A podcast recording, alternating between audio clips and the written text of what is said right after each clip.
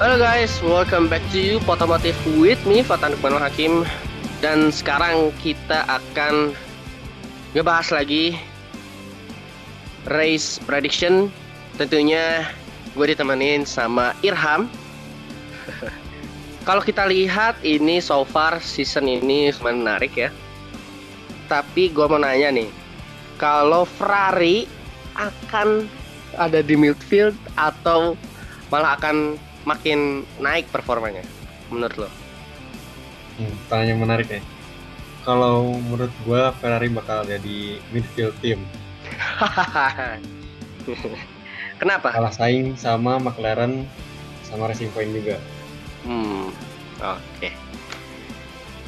Tapi kalau nanti ada update kayak kita tahu kan kemarin nih ada prototype update-nya buat di Hungaroring buat Ferrari ini tapi gagal di gagal melihat performanya. Kalau update-nya ini di-apply nanti di Hungaroring gimana? Performanya? Harusnya sih bisa meningkat kalau berhasil. Cuman ya kita belum lihat aja. Nanti tunggu. Kita lihat saja nanti, oke? Okay? Hmm. Red Bull akan fight dengan Mercedes atau fight-nya sama McLaren?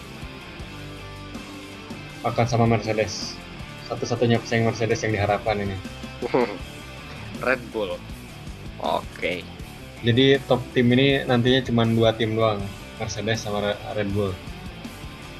Red Bull ya. Hmm. Kalau Racing Point gimana?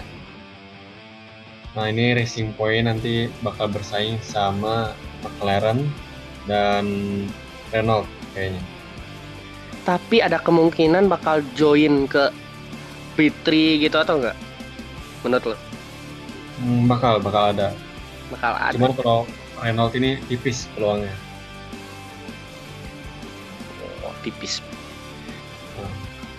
McLaren. Nah, ini yang paling menarik ini tahun ini menurut gua ini McLaren karena performanya meningkatnya ini jauh ya. Yeah. Dari tahun kemarin McLaren ini bakal joinan Racing Point sama Renault atau bakal ngagetin Red Bull?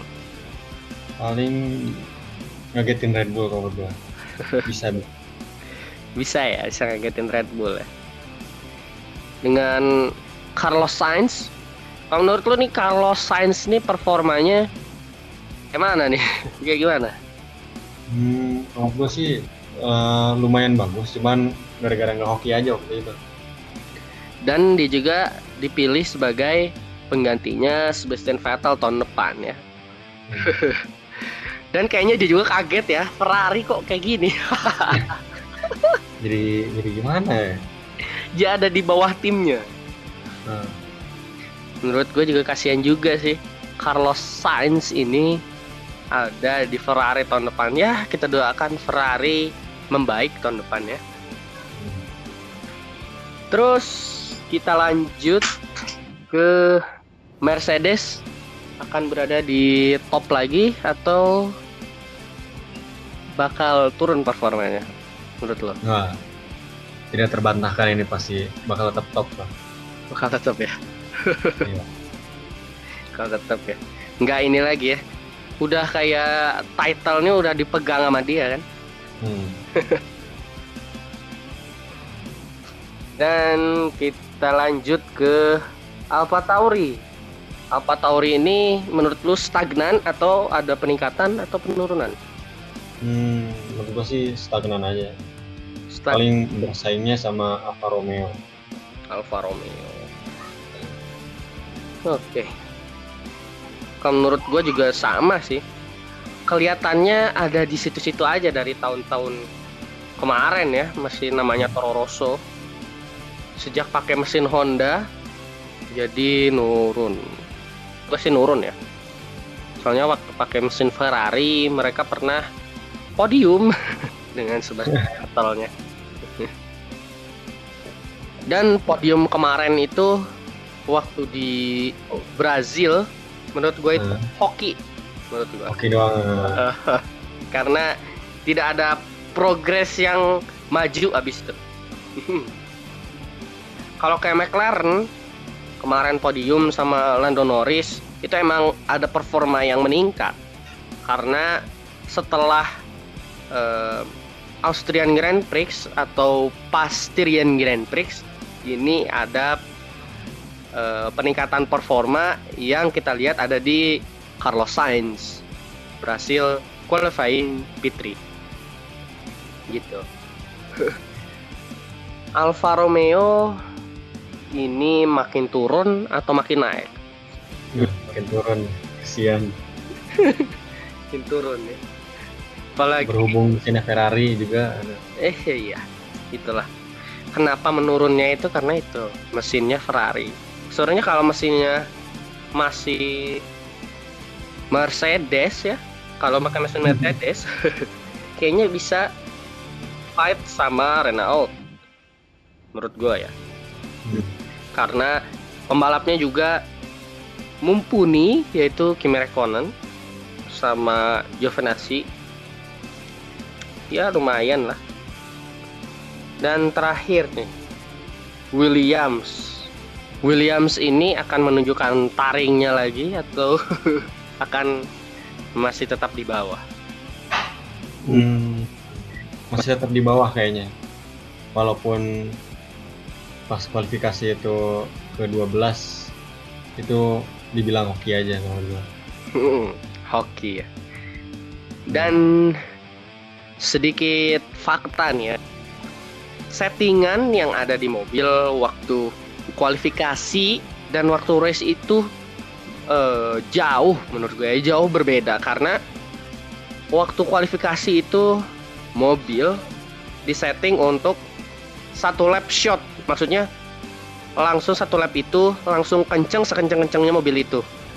Jadi fuelnya di decrease engine mode-nya di fullin dan settingan-settingan di mobilnya itu dipaksa untuk mengeluarkan semua tenaganya untuk satu lap.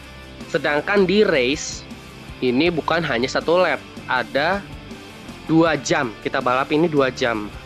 Yang bisa dihitung lapnya ada yang 70 ada yang 50 ada yang 80 kayak di Monaco jadi driver ini harus memikirkan tentang fuel.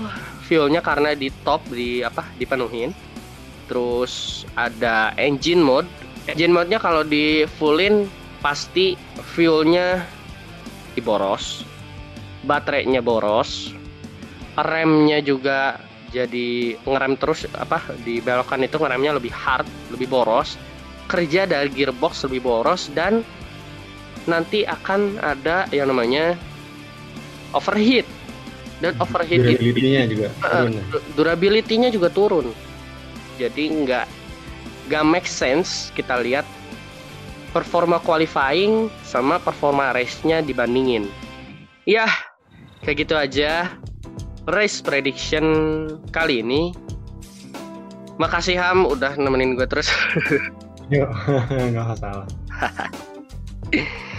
Kita akan bertemu lagi di prediction selanjutnya. Saya Fatan Hakim dan ada Irham. Kita pamit undur diri. Jangan lupa di favorit kalau kalian denger di Anchor. Jangan lupa di follow kalau kalian denger di Spotify dan jangan lupa juga untuk di subscribe kalau kalian dengar di Google Podcast. Kita pamit undur diri. Wassalam.